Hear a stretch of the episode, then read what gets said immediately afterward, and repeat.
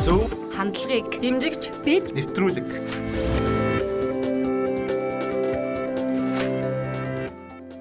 Зөвлөлтөй охин дөрөв төргийн Улаанбаатарт 19 цаг болсон байна. За 7 хоног үрийн даваагаас баасан гарагт үзэгчтэй охиндээ хүрдэг залуусын бид чөлөөт нэвтрүүлэг өнөөдрийн шинэхэн дугаараа үзэгчтэй охиндээ өргөхөд бэлэн боллоо. За залуучуудаа шинэ 7 хоногийн өмнө төргий.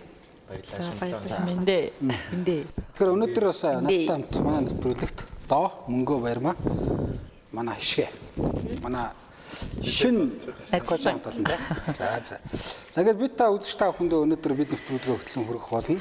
За бидний өнөөдрийн сэдв бол Өнөөдөр чи бүх хүн нэгний сэдвтэй шүү дээ. Аа тийм. Харин тэгээд нөгөө нэг өнөөдрийн онцлог сэдвүүд бидний онцлог бидний онцлог сэдв. за баг тэгчих Энэ сэдвийн өрөөнд бас та бүхэнтэй ярилцах болно. Тэгээд үзэгчтэй охин ч гэсэн манай ETV, HT, Facebook-ийн пэйж хуудасаар манай нэвтрүүлэг одоо лайв хэлбэрээр үзэгчтэй охин хүрж байгаа учраас за бас лайвын доор сэтгэлдээ бичээд бидэнтэй санаа бодлоо хуваалцах боломжтой. За уламжлалсаар өнөөдөр 7 хоногийн эхний өдөр сонь сайхан юуцхан залуучууд за доогоц хэлээ те. өмнө чи хоёр амралтын 7 хоног болсон юм шүү дээ тий За хоёр амралтын өдөр бол их утга учиртай өнгөрлөө.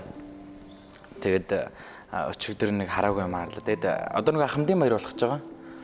Хоёр өдрийн цаг хугацааг ээждээ зориуллаа.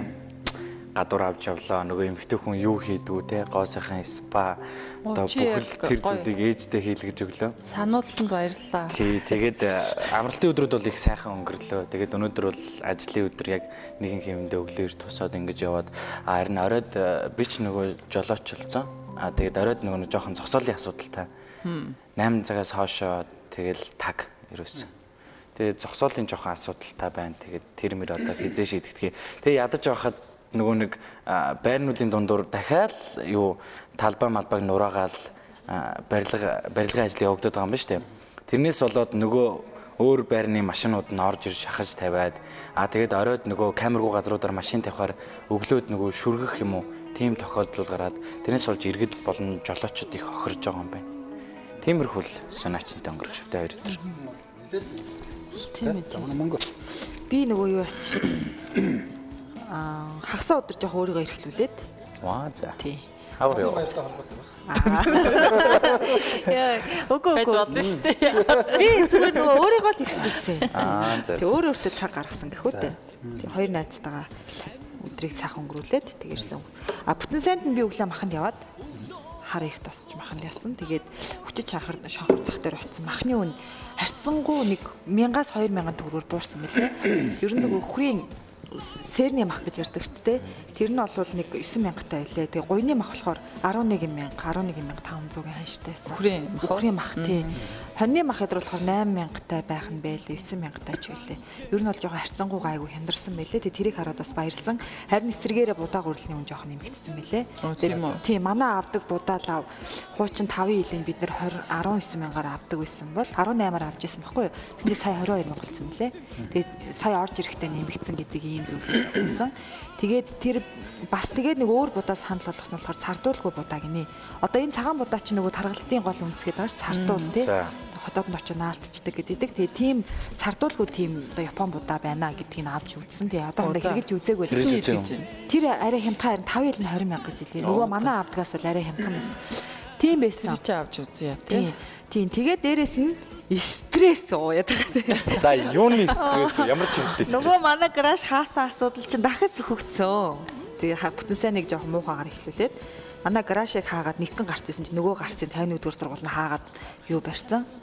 Хашаага барьсан. Одоо тэр чинь аргагүй шүү өөрөөс нь эзэмшлийн талбай авчаа. Харин нөгөө нэг үндэсний сургууль чинь нөгөө замаа хаасан юугаа авахгүй гээд блок авахгүй. Тэгээд одоо манайх гараашаасаа гарахад нисэж гарч ирнэ Одоо мэдхгүй нийцэх. Тэр бол айгүй асуудалтай болсон ингээд байж гэн. Тэгээ хандах газрууд нь хандсан. Тэгээ ер нь хоодгүй юм байна да гэж урахад катастр гэж юм байдаг уу? Ер нь байхгүй. Үгүй харин тэр чинь нэг аймаг. Яг үүндээ тийм нийслэлийн ерөөсөө төлөвлөлт ямар замбраагүйсэн сая иний жишээ харагдаж хөө хохирогч нь ерөөсөө л иргэд оршин суугч. Одоо нөгөө альва тийм газар мазар ч юм уу одоо ингээд шинээр байгаа юм катастрын зургийг гараш тэгээд орч гарцсан энэ ч нэ байна гэд уг ингээд төлөвч байгаа. Харин тий тэгсэн чинь тэр зөвшөөрөл өгөхдөө 51-ийн газрыг өгсөн байгаа байхгүй юу? Тийм. Тэр газар нь манай эзэмшлих юм чинь лаага эднү луунга эднү бидний Аа, тий. дураад Гэтэ 51 төр сургууль ингээд нийтийн эзэмшлийн зам талбай бохоо тайны өдгөр сургуулийн энэ хэсэгт нь бариад нэг машин явах цаа үлдээчихэж байгаа байхгүй юу ууг нь. Тэгсэн чинь тэрэн дээр үндэсний техникийн сургууль хүүхэд дайрах гээд байна гэд хоёр блок авчраа ингээ хаачих. А тэгэхээр та нар өстө миний бодлоор хорондоо хандаад цаашаа хийсэн. хандаад тэгээд явах хэрэгтэй юм шиг. гол Хотдоо хандаад тий. Дажгүй шүү дээ. Баян голчны хэсэг баахан грашрууд буулгаж нийтийн эзэмшлийн зам талбай чөлөөлж чинь гээл. Тийм хийсэн шүү дээ. Энэ бас ирэх. Тэгээд тэр нийтийн эзэмшлийн зав талбай тэр хүний тавьж байгаа юм нь болохоор хүүхдүүд дайруулах гэдэг гэж аахгүй одоо 18 9-тэй дандаа оюутнууд байгаа ш тэр шинэ хүнсийн техникийн сургууль чи их сургууль ахгүй юу. Тэгээд тэр хүүхдүүд л зам ам мөрөө харахгүй явдаг юм бахал та тэр хүний ярьжаар. Тэгээд тиймэрхүү зөрчилдөө жоох үүссэн. Тэгээд тэр яг үүтэй болох л. Тэгээд тиймэрхүү байдлаар л амралтын өдрүүд өнгөрүүлээ. Ер нь ойролцоол стресс биш үү те. За би харин мөнгөөс ялгаатай нь ерөөс стресстэй шүү дээ. Харин тийм үү. Яа. Өөрийгөө эрэхтээс мөнгөгийн хоёр найз нэг нь За. нэг нь би байлаа. Төгсөн ч үгүй. Аа за за за. Ойлгочлаа юм дээ. Тэгээд нэм гарах дахиад өөрийгөө бас эрэхтүүлсэн шин ном уншаад сайхан тааваараа гэртээ Ном байгаа. уншихаас одоо ихлүүсэнд ордог. Эрэхтүүлсэндээ л орно шүү дээ. Хэлүүлсэн. Өөртөө цаг гаргаж байгаа.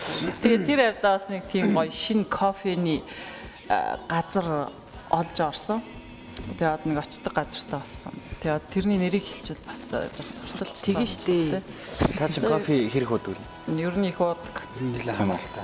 Өчигдөр өчигдөр нөгөө нэг бүтэн сая өдөр нөгөө спам спад орохор ч бүр 2 3 цаг болт юм ба штэ.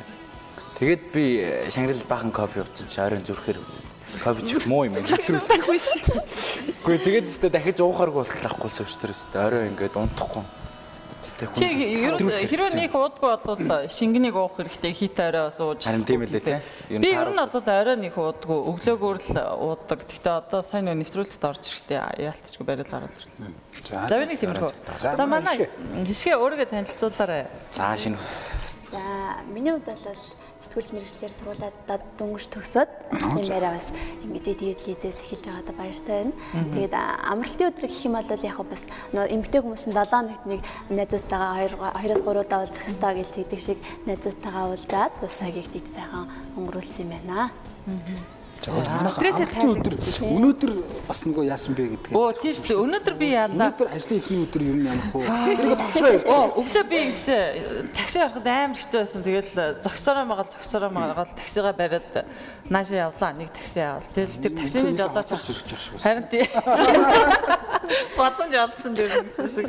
Таксины жолооч ах надад ямар аймгийн хүмүүс ямар онцлогтой байдгийг замын туршид ярьж ирлээ. Нэрэж бодсон ч бас өмнө юм ярих шиг. Тэгээ өглөө болгон би нэг таксины жолоочтойгоо янз бүр юм ярьж ирдэг. Тэгээ өнөө өглөө тийм өдөр байлаа. Өглөө за өдөр нэг онцон юм байхгүй. Чиний хийсэн мэдээнүүдийг ингээд оруулаад гаргаад нэг тиймэрхүү л ажил хийлээ.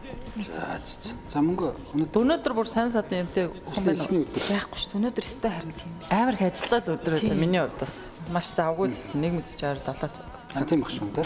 Одоо ч ер нь ингээд ажил баг жигдэрчлээ те. Ер нь жигдэрч. Тэгээс чинь жоохон назгаа яваас одоо ингээд 10 сар гарчгаар бас манай ч одоо сумжангаа амарсан юм чи ажил те. Нилэн жигдэрлээ. За манай ишиг өнөөдөр ер нь өнгөрөө. Ажлын өдөр шүү дээ. Тэгэл ямар вэ? За маш өндөр болов те. Тий. Өндөрөө тэгээд мэдээж нөө шинэ зүйлийг эхэлж байгаа болохоор бэрхшээлтэй ч зүйл байна, тэгээд сайхан ч зүйл байна. Тэгэхээр тэгээд яг л хоёр талдаа тиймэрхүү л болж өнгөрч байна. Мэдээж мэдгүй чадахгүй зүйл зөндөө байна. Тэгээд ажлын явцдаад ингээд мэдээж сураад мэдээд явах хаа л гэж бодож байна. Тусал дэмжээрэй гэх. Хэмжээрээ. За өнөөдөр бол манай залуучууд юм сантай байсан. Тэгээд бид хөө өнөөдрийнхөө бидний сэдвийг өнөөдрийн онцлог сэдвүүд гэдэг сэдвийн хүрээнд бас ярилцж байгаа. Манай үзэгчдээс ETV, HT Facebook-ын пэйж хуудасаар лайвын дор өөрсдийнхөө санаа бодлыг бичиж бидэнтэй үзэл бодлоо суулгах боломжтой. За өнөөдөр тэгэхээр ямар ямар сэдвүүдийг онцлохоор бас манай залуучууд бэлдсэн. Хинээс нь эхлэх вэ? Би эхэлчихв. За, Энийг жоохон юу мэдээллийн чанартай шүү. Өнөөдөр ирээд өглөө ирээд бид нар за амралтын өдрүүд ямар мэдээнүүд байсан байна, ямар үйл явдлууд болов гэж хардаг штеп. Тэгсэн чинь тэрэн дээр нэг э, хоёр зүйл над миний анхаарлыг шууд татсан л та. Нэг нь болохоор өнгөрсөн амралтын өдрүүдэд зам тээврийн ослоор а дөрвөн хүн амьнасаа алдсан байна гэдэг мэдээ харж байгаа байхгүй. Тийм ч бол хоёрхан өдрийн туршид дөрвөн хүн зам тээврийн ослоор ослоор амьнасаа алдна гэдэг чинь амар том мэдээ шүү дээ. Тийг харамсалтай санагдлаа. Бид нар ер нь яагаад ингэж замын осол их гараад байгаа юм гэд бодоод тэрнтэй холбоотой бас нэлээд сэдвүүдийг ярих нь зөв юм байна аа, идэвхжүүлэх нь зөв юм байна гэж бодлоо л да. Тэгээ эхлээд нэг том мэдээлэл өгчээ. Зам тээврийн ослын улмаас 12 хүн гинтэж нийслэл нэг орон нутгад 3 хүний амнаас хохирсон. За үүнээс хамгийн харамсалтай нь 3 хүүхэд э, хүүхэд нь хүнд өгөөд хүн дэвтэр гимтэл авсан гэж байгаа. Тэгэхээр ерөөсөө яалтчгүй зам тээврийн ослын дандаа хүүхдүүд хамрагд э, оролцоод байгаа байхгүй юу? Энэ бид нар бас э, томчууд хүүхдээ хараа хяналт сайн тахгүй бол өөрсдөө замын хөдөлгөөний дүрмийг сайн мөрдөхгүй бол энэ осол ерөөсө буурахгүй нэ. За энэ бэрцэн хүмүүсийг э, хэлбрээр нь аваад үзэх юм бол явган зорчигч мөргөх хэлбрээр хамгийн олон буюу 7 хүн гимцэн. За хоёр машин хоорондоо мөргөлдөж нэг онголох хэлбрээр нэг гэсэн тус тус ийм зөрчлөлт гарсан байгаа. За энэ дээр бас нэг харамсалтай зүйл нь согтоогоор тээврийн хэрэгсэл жолоодсон 81 жолоочийг өнгөрсөн 2 хоногийн дотор илрүүлээд хуулийн дагуу хариуцлага тооцсон байна гэж шүү дээ. 2 хоногт 81 жолооч. Тэгэхээр энэ согтоогоор тээврийн хэрэгсэл жолоодох гэдэг бол өнөөдөр зам тээврийн осол аваар гарч байгаа анхдагч 3 том шалтгааны нэг байгаа. Ерөөсө 3 одоо зүйл дээр л анхаарчих юм бол зам тээврийн осол аваар 50%-аар буурна гэдэг ийм дүгнэлт судалгаа гарсан байдаг юм байна. Нэгдүгээрт нь согтууж жолооч, хоёрдугаарт нь хурд хэтрүүлдэг асуудал, гуравдугаарт нь хамгаалтын бүс. Энээс болоод осол аваар гардаг, хүн гэмтдэг, нас бардаг. Тэгэхээр энэ гурав дээр манай жолооч нар маш сайн анхаарчих юм бол бид нар зам тээврийн осол аваарыг 50% бууруулах боломж байна гэж. За тэгээд сүүлийн үед энэ тээврийн цагдаагийн албанаас а нилээн бас ажлуудыг хийж байгаа бодиттой ажлуудыг би бол бас энэ дээр сайшааж магтъя гэж бүр бодож байна. Тий, анхны аян бол нөгөө нэг юу Яарад байсан яах шүү дээ. Яарад яах вэ гэдэг аян байсан шүү дээ. За энэ аяны хүрээнд тодорхой үр дүн гараад тэгээд одоо дураараа бишээ дүрмээрэ гэдэг хоёр дахь аяныг хэрэгжүүлж эхэлж байгаа юм байна. Энэ аян бол 2 сар сар үргэлжилсэн. За эхний энэ яарад яах вэ гэдэг аяны хүрээнд байна шүү дээ. Ямар үр дүн гарсан гэхээр А зам тээврийн гэмт хэрэг 63.9%-аар буурсан. Амнаас хогсон асуудал 21.7%-аар буурсан. Гэмтсэн хүний тоо 50.5%-аар буурсан гэж байгаа. Тэгэхээр энэ бол маш том үр дүн байгаа байхгүй юу? Тийм учраас энэ эхний аяны үр дүн дүн дээр тулгуурлаад те баттахын тулд дураараа бишээ дүрмээрэ гэдэг аяныг зохион байгуулж эхэлж байгаа юм байна. За энэ аяны хүрээнд хамгийн эхлээд э, ер нь бол юу явж гинэ гэдээ хараад үзэхлээр а зорчигчдод тээврийн хэрэгсэл жолоодогчдод хандаад замын хөдөлгөөний дүрмийг сурталчилж эхэлж байна. А эхнийх нь болохоор явган хүн ямар даваа эрэхтэй юуг анхаарах хэрэгтэй гэдэг мэдээллүүдийг олгож эхэлчихсэн бол дараагийнх нь а гүйцэж төрүүлэх асуудал байж байгаа. Гүйцэж төрүүлж байгаа жолооч нар маш их ослоо аваар гаргадаг юм байна л да. Тэгвэл ямар тохиолдолд гүйцэж төрүүлж болох юм, ямар тохиолдолд гүйцэж төрүүлж болохгүй юм бэ гэдэг а замын хөдөлгөөний дүрмэн заасан тэр зүйл заалтуудыг анхааруулах зөвлөмжүүдийг бас хил мэдээллийн хэрэгслүүдийн дээр нэлээ өргөн үрээтэй тарааж байгаа юм байна. Тэгэхээр энэ бол бас маш одоо зөв зөвтэй ажил болж байна гэж би өнөөдөр бүр энэ сэдвийг онцлохыг хүссэн. За тэгээд хамгийн сүүлд нэг ноцтой тоог хэлье. Сүүлийн 3 жилд зам тээврийн 1540 зам тээврийн ослын улмаас 1548 хүн нас орсон. Жил 500 тий. Тий. Тий. Эний 150 хүүхэд байсан гэж байгаа. Тэгэхээр ерөөс жил болгоно 50 хүүхэд зам тээврийн осол авараас болж амьсаа алдчихэв. Энэ нь тухайн бага насны хүүхэдтэй холбоотой гэхээс илүүтэй А тэр тээврийн хэрэгслийг жолоод жолоочтой холбоотой. Хүүхдтэй хараа хяналт тахгүй байгаа. Томчууд бид нартай холбоотой байхгүй. Тэгэхээр бид нар бол энэ дээр маш одоо онцгой анхаарал хандуул хандуулахгүй бол одоо хүний эрдэнэ таймыг ч одоо юугаарч зүүрлэхгүй тэр хүний амьнасыг юугаарч нөхөх боломжгүй. Тэгэхээр бүгдээрээ одоо сэрэмжтэй байя. Дураараа биш ядаж дүрмээрээ явъя гэдгийг энэ уриалгыг хэлмээр байна. Яг зүгээр энэ дээр нэг зүйлийг нэмж хэлэхэд ер нь бол бас эн чинь арга ядсан л аргал юм л та тийм. Хүчээр одоо Тэгээ манай жолооч нар яадаг нэг ингээд одоо чинь нэг хором гээл нэг аян бас явж байна. За тэрний дараа одоо энэ яарад яах вэ гэл. Яг ингээд аян үргэлжилж байгаа гингүүт айгүй нэг тийм айгүй яг тэр хугацаанд нэг ингээд аян дуусаад. тий дүрмээрээ оролцсон юм шиг байна. Тэгэл аян дуусаад л бол өө нөгөөдгөө мартцсан. Одоо нэг хэсэг чинь нэг өглөө оройдоо ингээл жолооч нарыг үлээлгэлээд тэгэл тэрийг маш их шүмжилсэн шүү дээ. Одоо тэгээ тэр нэг харьцангуй жоохон айгүй болцсон юм шиг байна. Их хурл дээр ч гэсэн хүртэл одоо маш их ярьж ирсэн.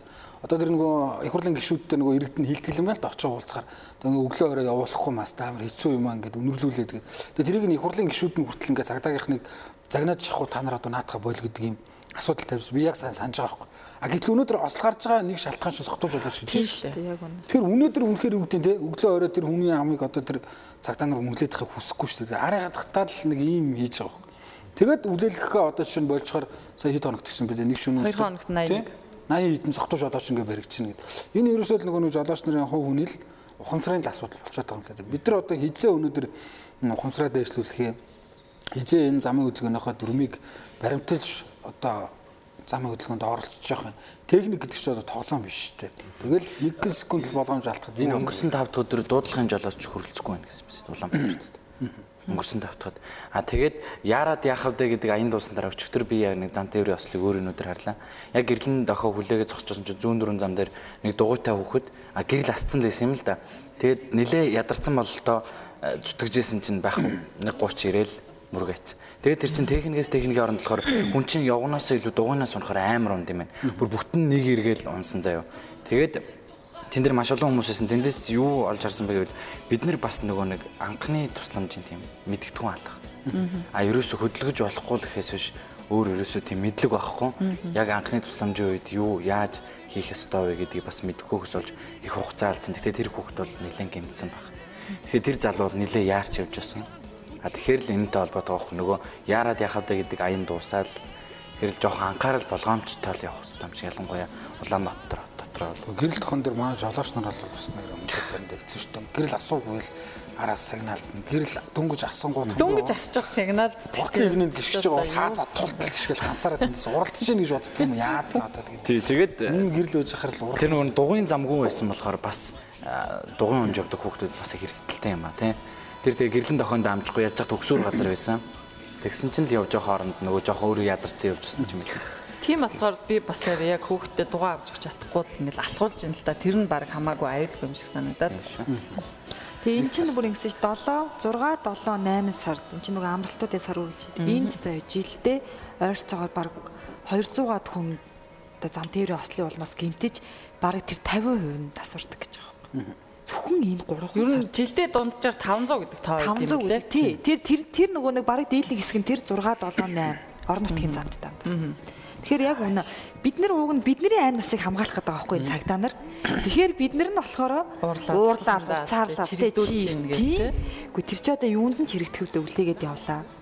Хөрх юм уу цагдаа нар ууралд юм л шүү дээ. Та нар нэг хэрэг төвөг асуудал гарахаар л бид нар лөө хандаал яаравчлуулаад бусд үедээ болохоор бид нарыгаа үзэн хатаал ер нь та нарын төлөө шүү дээ гэл дандаа тийш гомдол хэлдэг юм билээ шүү дээ. Хишгээ за, ямар хэлбэрээр замын хөдөлгөөнд оролцдог вэ? Машин барьж оролцож гин үү? Эсвэл нийтийн тээврээр ер нь яаж вэ?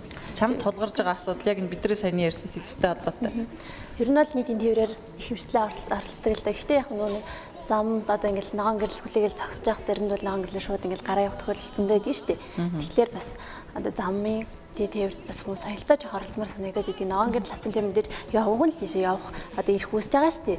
Тэгэхээр машин ингээл явах жишээний Тийм болохоор л жоохон соёлтой энэ Эрдэнэт хүний аим гэдэг чинь бол тоглоом биш шүү дээ тий. Тэр тэр хүний магадгүй тэр хүн гэсэн яараа явж иж явж иж болон замаар гарч байгаа би ч гэсэн магадгүй ногоон гэрлээ хүлээгээл яарал явж байгаа шүү дээ. Тийм болохоор бас нэгэндээ нэг жоохон соёлтой хандаад тий замын хөдөлгөөнд оролцол зүгээр санагдаад тий. Дүрмээрээ л явна Тийм тий. дүрмээрээ л явал. За одоо эн чинь тэгэхээр нөгөө миний ярих гэж байгаа сэдвтэй бас холбогдох гээд байгаа байхгүй юу? За. Стресс гэдэг сэдв. Би зүгээр монголчуудын стресс гэдэг энэ сэдвийг авсан. Одоо магадгүй үзэгчд нэг ийм төгөлдөр хуурай нэг ая явж байгаа те энэ бол нэг хүнийг тайвшруулдаг ийм ая байгаа.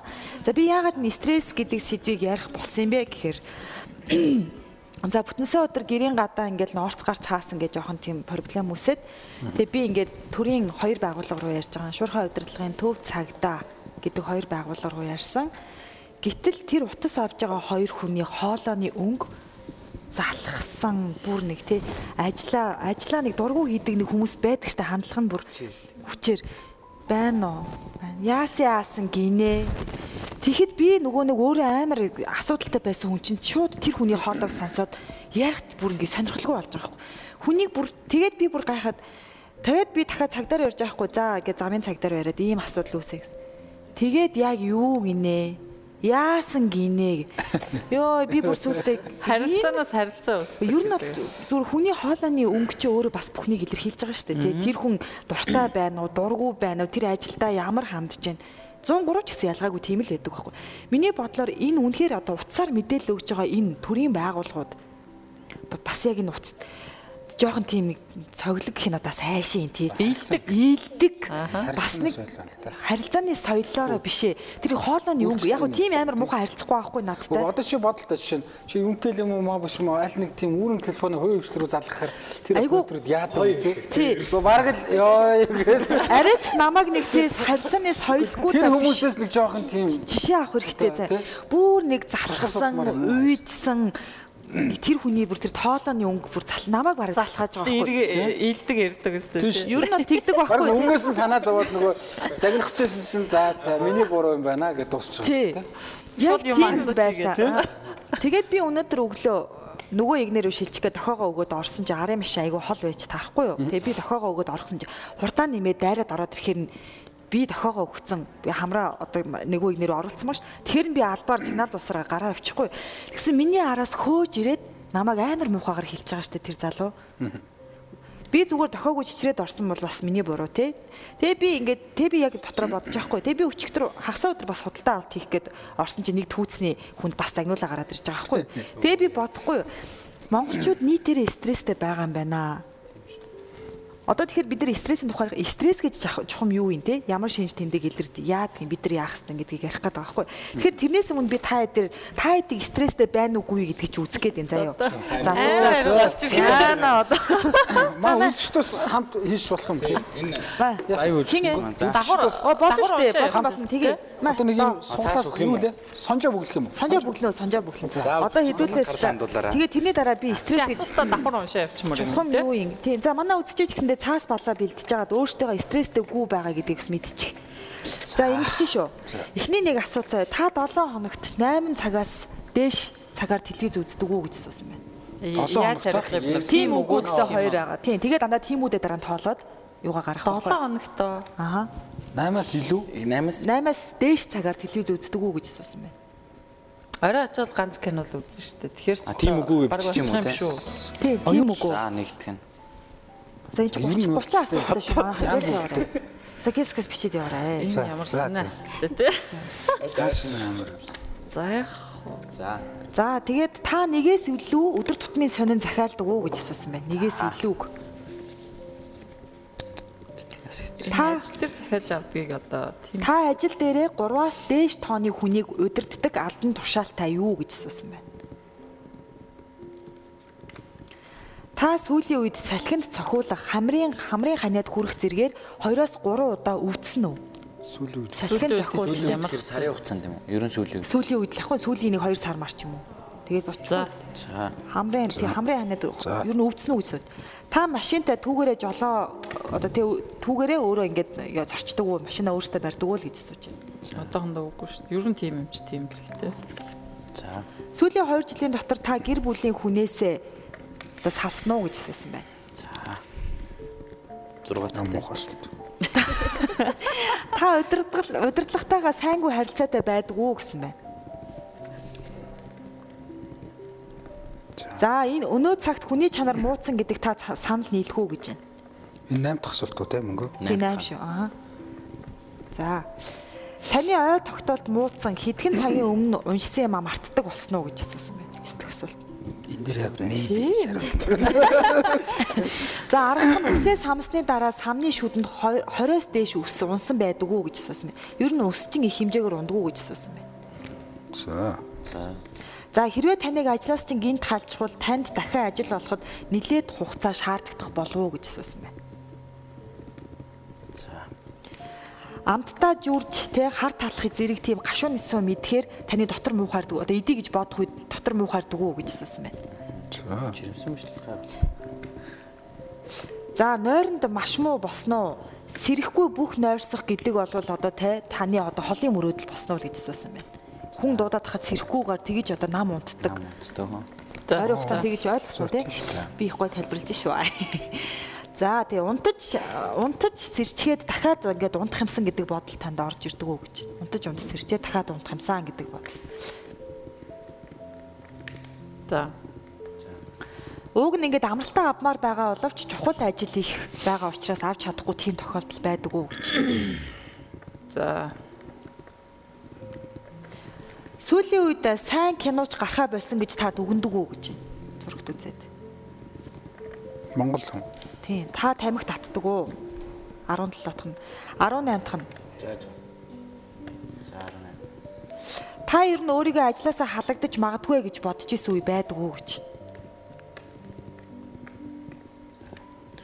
Одоо 19 дахь нь болохоор ямар нэгэн баг тийм ээ баг спортын багийн одоо улаан фэн байд одоо улаан фэн байна гэдг нь танд одоо тийм одоо чухал биш үү гэж инээдтэй юу гэж асуусан байна л да. За ойлгосноо. Ойлгохгүй. Та Монголд амьдарч байгаадаа бухимддаг уу гэж байна.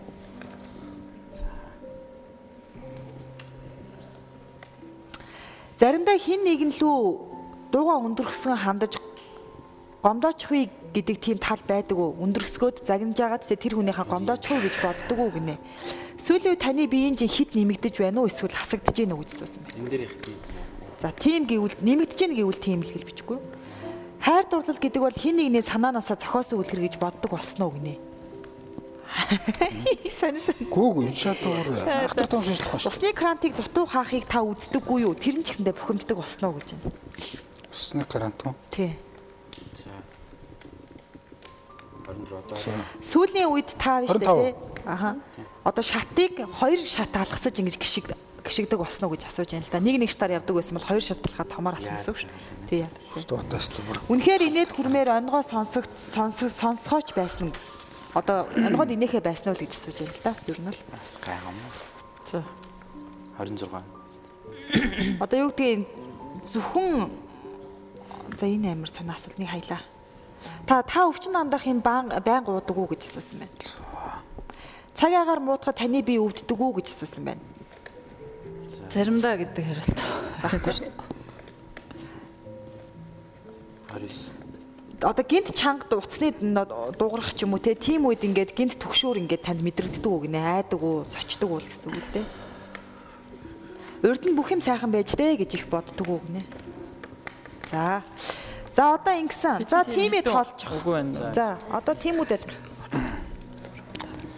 1 2 3 11 нь тийм байна. 5 За. За баярмаа хичээн. 7 8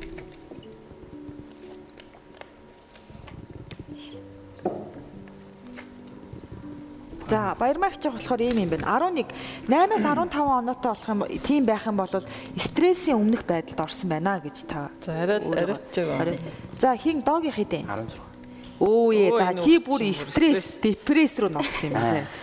Чи нэрээ стресст орсон юм байна. Тийм юм байна. За би нэг бас 11 хүн. 11 Тийм ээ? тий. За тэгвэл стрессийн өмнөх байдалд орж та хоёр бас арай гайг байгаа юм байна. Минийх бол 8 байд бас гайгүй юм. Оо ийм. Тэг бүх юм хэмээн байна гэж. хүн байна. Бүтээл байдлыг гайхалтай сайн мэдэрч түүнд зөгцдөж чаддсан байна гэж чинь шүү. Би энд хариулах юм бол баг худалч юм. Чи хариулаагүй өөрөө? Би өөрөө хариулаагүй. За би ч өнгөрсөн. За нэг ийм юм байна. Үгүүгийн тоол үгүй гэдэг нэг багт юм. Байхгүй ганцхан тиймэрээ тоосон байхгүй. Тэгэхээр зүгээр энэ байдлаас харахад магадгүй энэ хүнийг айгүй олон хүн бүглэх юм бол 15-аас дээш гарах байх гэж бодож байна. Сонжоог. Сонжоог тий. 15-аас дээш гарах байхаа гэж би бодож байна. Тэгэхээр яг стресс гэдэг маань өөрөө юу юм бэ гэхээр хүний сэтгэл санааны байдлын тэнцвэр алдагдаж байна гэсэн үг. Баланс алдагдсан байна. Тийм үед ямар шинж тэмдэг илэрх вэ гэхээр хүн өөрийгөө голж эхэлдэг юм байна. Өөртөө сэтгэл хангалуун биш байдаг юм байна. Жижигхэн юмд бухимдаж цухалдаж эхэлдэг юм байна. Юм болгон тэ чиний хувьд бүх юм таалагдахгүй болж эхэлдэг юм байна. Тэ хүний одоо сайн хийж байгаа үйлдэлийг гэсэндээ одоо хар одоо нөгөө талаас нь буруу талаас нь өөлж хардаг ийм болд юм байна. За ингээд удаад ирэх юм бол депресс болдог гинэ. За депресстэд ирэх юм бол хүй тий нөгөө нойр гүйдэлд ороод унтаж чадхаа болоод унтсан ч гэсэндээ нэг унтсан сэрсэн нь мэддэхгүй хай нэг тэгж унтдаг штэ тий бүх унтаж чадахгүй тийм болоод эсвэл шалтгаангүйгээр өглөө эрт сэрдэг болоод ингэж яах юм бол депресд орсон байна эсвэл тэгээд дээрэс нь юм одоо нэг хүний булчингууд ингээд зангирч эхэлт юм байна л да одоо хоён хөөрнө гэж ярьдаг штэ тий нурууны булчин булчин гэд.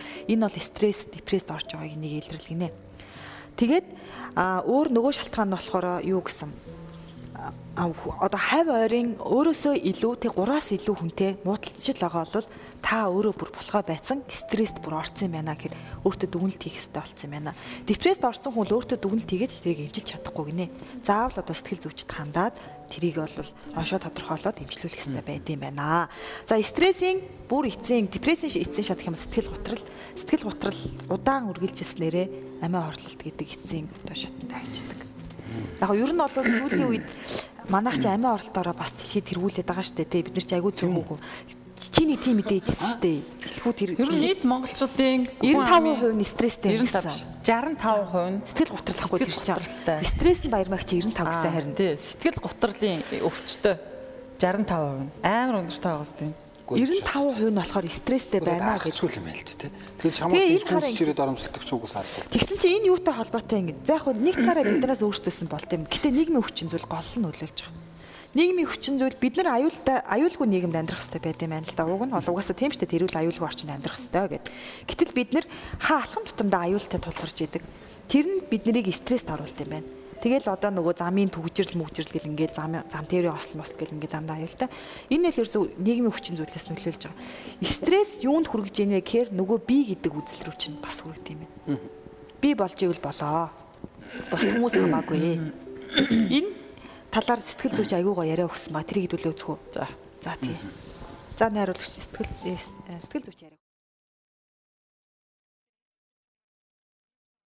а хөгжлийн төвшин ямар байгаатай шууд утгаар холбоотой. Тэгэхээр хүмүүсийн одоо сэтгэл зүйн асуудлыг маш олон зүйлтээс холбож болно. Тухайн нөхцөл байдал аюулгүй орчин.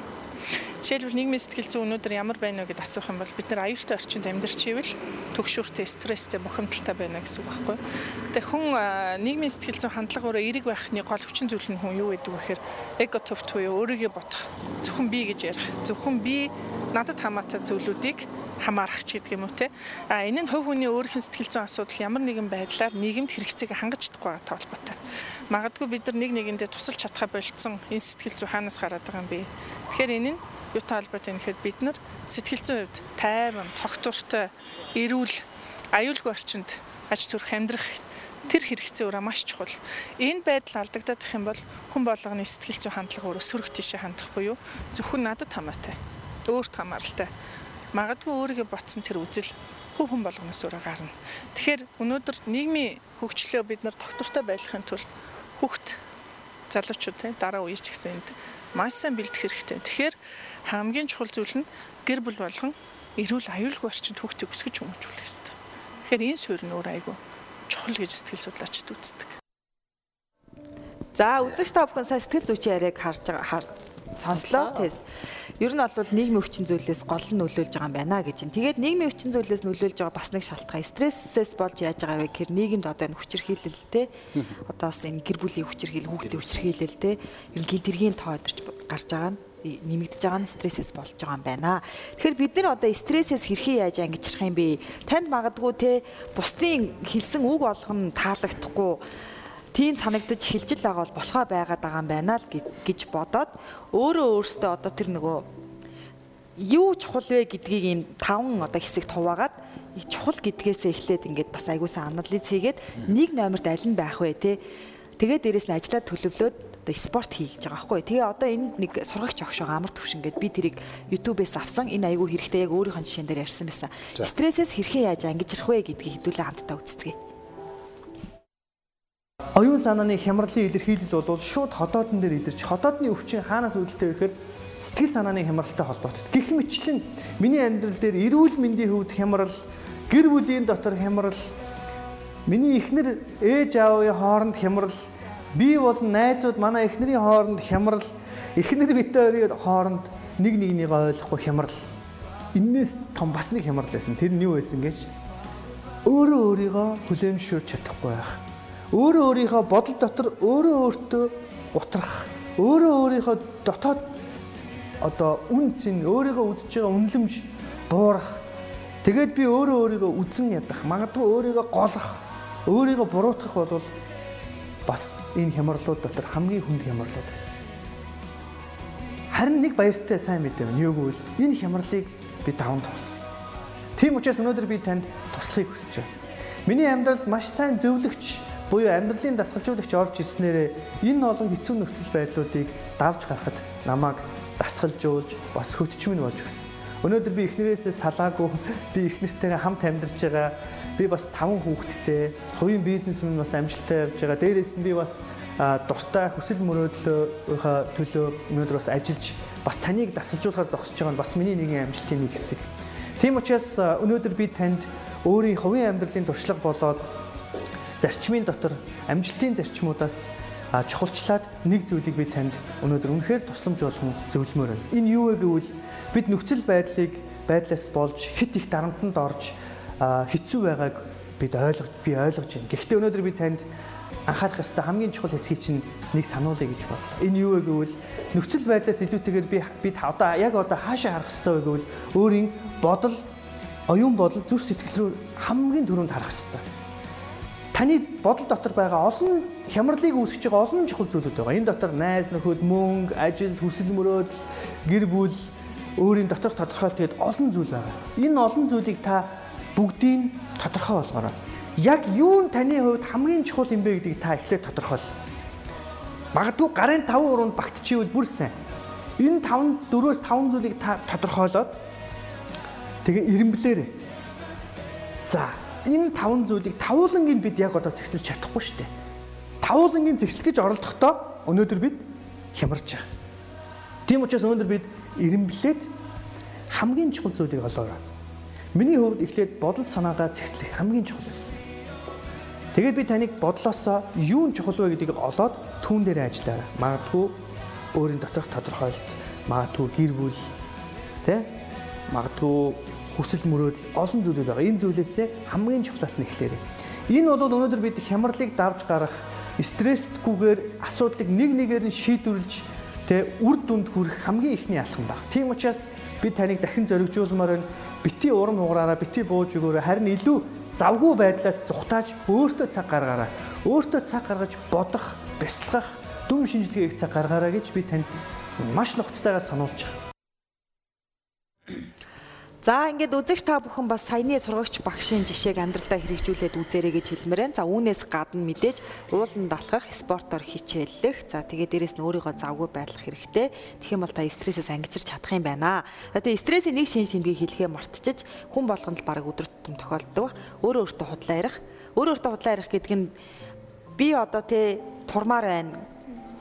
Турахын тулд хоолоос соймоор байна сайн гэд ярьсан ирнэ тэрийг амьдрал дээр хэрэгжүүлж чадахгүй байгаа бол та стресстэй байгаа юм. Бас ингээ гоё өөрийгөө зоригжуулж болтгоо.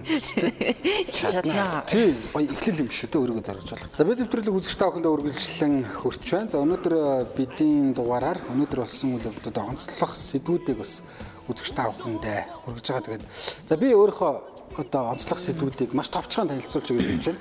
За энэ GoGo CGM-ийн сайт бас онцолсон байлээ. Тэгээ ер нь бол өнөөдөр бас улс оронд их юм үйл явдал өрнөв. Зарим нь бас олон нийтийн анхаарлыг зүй ёсоор татгаар ийм сэдвүүд бол байна. За манай найруулагч одоо эхний зургуудын өөх бах. За За өнөөдөр бол зөвшөөрөл төвчний жанжин штабын дарга хушууч генерал Гамбат бол үүрэгт ажилласаа чөлөөлөгдсөн ийм мэдээлэл бол гарлаа. За энэ бол бас анхаарал татчих байгаа. За түүнийг өнгөрсөн 3 сард бол Монгол Улсын ерөнхийлөгчийн зарлагаар зөвшөөрчний жанжин штабын дараагаар бол томилж байсан. За өнгөрсөн 7 хоногт бол тэр ерөнхийлөгчийн тамгын газарт бол энэ ажлаас чөлөөлөх хүсэлтэд бол хөрвүүлсэн байлээ. За тэгээд ямар учраас одоо энэ зөвшөөрчний жанжин штабын дарга ингэж өөрөгт ажлаасаа чөлөөлөгдөх болов гэхээр удаан хугацааны одоо имчилгээ хийлгэхээр улсын эрүүл мэндийн шалтгаантай болсон гэсэн үг. За энэ учраас одоо би өөрийнхөө өсөл төр ингэж албан тушаалаасаа чөлөөлөгдөж гин гэдэг энэ хүү одоо өргөдлөө бас өгсөн байна.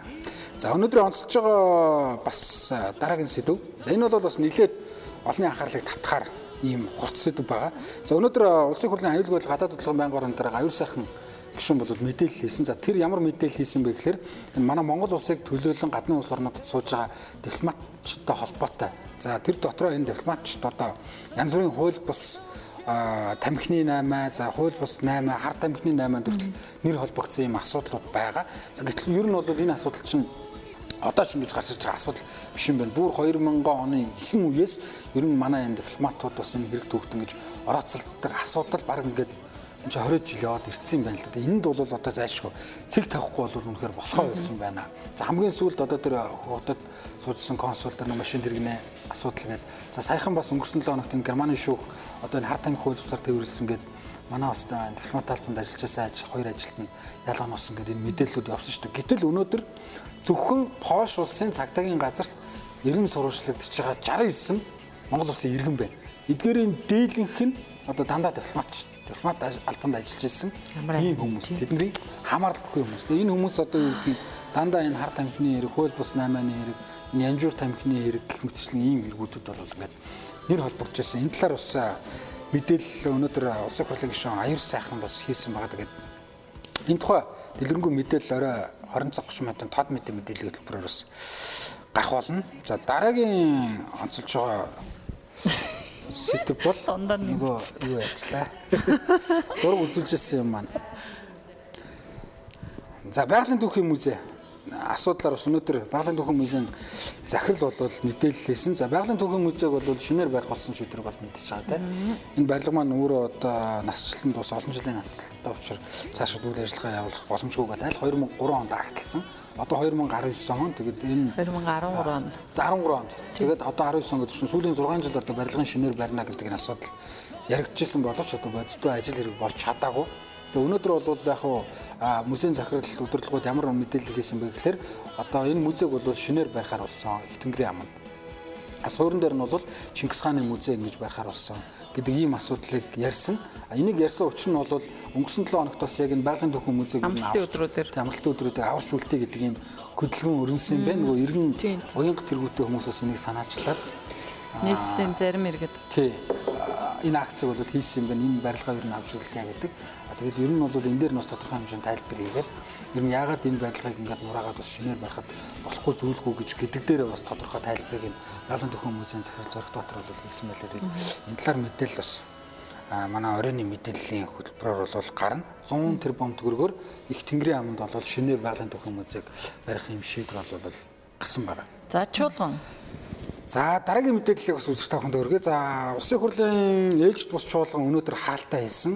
За энэ ээлжид бус чуулган хаалтаа хийж байгаа асуудал нь бол маргааш нас намрын ээлжид чуулган эхлэлтэй холбоотой. За энэ ээлжид бус чуулганы хугацаанд бол гол хэлэлцсэн асуудал нь үндсэн хуулийн нэмэлт өөрчлөлт. Тэгээ энэ удаагийн энэ ээлжид бус чуулган парламентын түүхэнд байгаагүй юм чухал тооцогдож байна гэдгийг бол их хурлын дарга өнөөдөр онцлолоо л да. Яагаад чухал гэж байгаа гэхээр А ер нь бол баг 69 цаг энэ удаагийн ээлжид бус чуулган хуралдсан байна. 275 удаа бол санал хураалт явуулсан гэр маш юм одоо үр дүнтэй чуулган болж энэ нь бол баг зорилгодоо хүрч чадсан гэдэг агуулгаараа бол бас энэхүү мэдээллийг бол онцолж байна. За хамгийн сүүлийн сэдв өнөөдөр бас олон нийтийн анхаарлыг татсан нэг зүйл бол энэ Дорнод аймгийн зөвшөөрчний жанжин штабын 2 327 дугаар ангийн албаа агч бол золгүй байдлаар амьсаа алдсан юм мэдээлэл бол байна. За тэгэд энэ цэрэг ягаад амнасаа алдсан бэ гэхээр хадлан хадлан бэлтгэжсэн юм байна. Тэгээд ингээд хөдөлмөрийн аюулгүй байдал зөрчигдснөөс болоод ер нь бол ингээд амнасаа алдсан. гэдэг ийм мэдээлэл байна. За энэ таван сэдв бол өнөөдөр бас манай улс их оронд өрнсөн онцлог таван сэдвүүд байлаа. Тэгээд тэр утгаар мэдээллийн чанартаагаар үзэгчтэй энэхүү мэдээлэл өргөлээ. За манай доогийн хувьд өнөөдөр ямар сэдвийг За би болохоор сүүлийн үед нөгөө нэг одоо цахим гинт хэрэгтэй бас сүүлийн үед маш их эмзэглэж байгаа. Одоо нөгөө сонгуульд өгсөнтэй холбоотойгоор залуучууд пэйж уудс хөгжүүлэх гэдэг зүйлийг маш их ярьдаг болсон байна. Тэгээд дорой 60 мянган хүнтэй пэйж уудс 500-аас 800 мянга 20 мянган нь болохоор сая 500-аас 2 сая л өгдөг тийм үнэтэй болсон байна.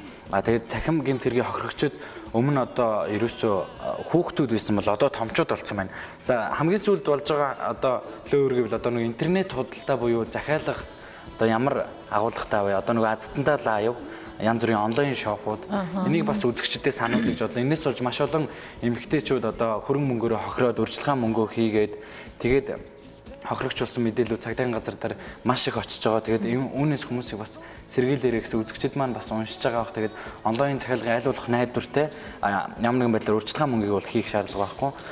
Өөрөө уулзчааж, бичлэн уулзчааж тэгж худалдаа авалт хийгээрэй гэсэн. Тэгээд сүүлийн үед нэг шинэ гэмт хэрэгэлж байгаа юм. Энэ нь болохоор юу гэхээр хүний утсыг нууцаар аваад утсан дээр байгаа мэд- мэдээллүүдийг хуулж аваад а тэгээд эргүүлээ тэр хүнийг шантаажлах тийм асуудал маш их гарч байгаа юм байна. Үүнээс хойш одоо хүмүүс их мөнгө олж байгаа юм байна. Үүнтэй одоо юу холбоотой вэ? Залуучууд их холбоотой байна. Залуучууд хөдөлмөр эрхлэхгүй амар хялбар аргаар мөнгө олох гээд байна. Сошиал медиаг ашиглах гээд байна, буруу ашиглаад байна гэдэг мэдээллийг бас та бүхэнд өргөсөн. Энэ үүнээс одоо яаж хамгаалах вэ гэхээр бид нар бас Facebook-ээ өөрсдөө одоо YouTube хуудас хөгжсөн. А тэрүүгээр дамжуулаад Facebook-ыг хэрхэн хамгаалах вэ? А мөн тэн дээр хувийн мэдээлэл хит их оруулахгүй байх. А тэгээд нөгөө нэг таних хүмүүсийг найзаараа авахгүй байх гэх мэтчлэн ер нь өөрсдийнхөө цахим хаягийг хамгаалахгүй одоо маш аюултай болсон цаг.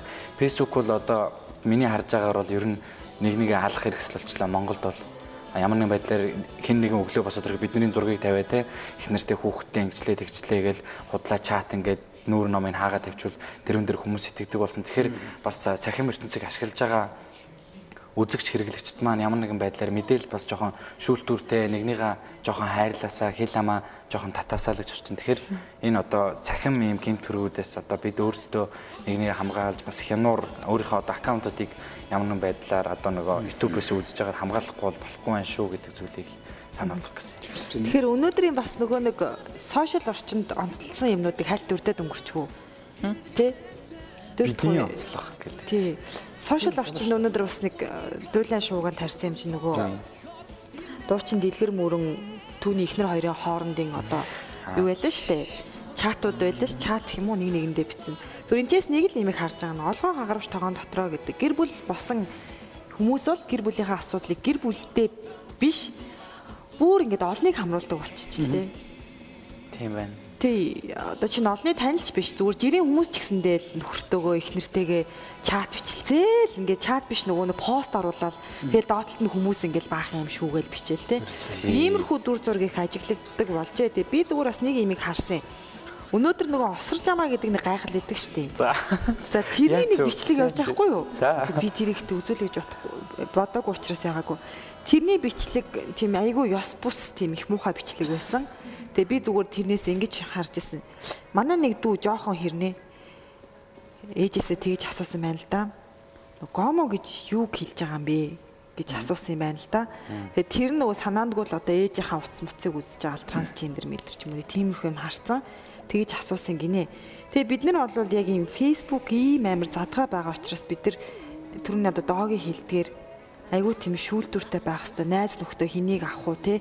Тэгээ би өнөөдөр тэр осор жамаагийн бичлэгийг үзчихэд хүүхдүүд битгий хараасаа гэж бүр айгүйх ботсон. Тэр юм дуустахчиж болтгүй юм бах та те. Би Айгүй муухай те. Болт юм? Аа? Би чи асарч амнаатай. Оо тийш те. Та мэдх юм уу? Яста муухай бичлэг асарч амнаатай ярилцчихлаа. Би чи заяач. Тэгээрээ та заяа тэр хүүхдүүд өста буруу үлгэр дүүрэл болж байгаа шүү тэр өста муухай санагдсан. За нэг тийм л юм байна. За за тэгвэл би нэг хэлчихв. За. За өнөөдөр а go go цэгийн сайт бас нэг цэгийн сайтын эрхлэгч ариун мэдлэг нэг чухал зүйлд уриалсан олон нийтийг энэ юу вэ гэвэл тамхины ишгүү тоглоомын талбай гэдэг уриалга. Ер нь бол олон нийтийн газар тамхи татхыг тамхины ишээ хаяхыг хоригддаг штеп. Зөрчлийн хуулиараа гівч манад энэ биелдэггүй хүүхдийн тоглоомын талбай дээр томчууд тамхиттай сууж идэг. Тийм учраас одоо манай найруулагч постерыг харуулах баг. Тийм учраас энэ аяныг ихлүүлсэн юм байлээ. Энд бяцхан уушгинууд төлжиж байна. Тоглоомын талбайд тамхи татах хориотой гэдэг. Энэ одоо пострыг сөөхүүд те хороод юу гэдгийг нийтийн эзэмшлийн зам талбайг одоо хариуцдаг, тоглоомын талбайг хариуцдаг э, энэ байгууллагууд аваад наяа гэж байгаа. Тэгээд эндээ хяналт тавья гэж байгаа. Эцэг эхчүүд ч гэсэн энд анхаарлаа хандуулах хэрэгтэй. Ер нь тамхи татдаг хүн өөрөө ч гэлтгүү тэр дам тамхиталтанд өртөж байгаа хүн хамгийн их хорддог гэж байгаа шүү дээ. Тэгэхээр бид нар бяцхан хүүхдүүдээ одоо багаас нь хордуулж болохгүй томчууд хариуцлагатай байя зөрчлийн хуулиа дагаж биелүүлье гэдэг уриалгыг бид нар бас манай ИТВ-д үзчихсэн энэ уриалгад нэгдэх хэрэгтэй байх гэж бодоод өнөөдөр бас нэвтрүүлгийн төгсгөлд энийг хэлье гэж бодсон. За за. За баярлалаа залуучуудаа тэгээд ажилд намжчихсан. Өнөөдрийн нэвтрүүлгийн түрээд өндөрлөж байна. Бидэнд хамт бас үзэгч та бүхэндээ баярлалаа. Маргааш энэ цагта эрг уулзлаа. Түл баярлалаа үзэгч. Баярлалаа. Баярлалаа.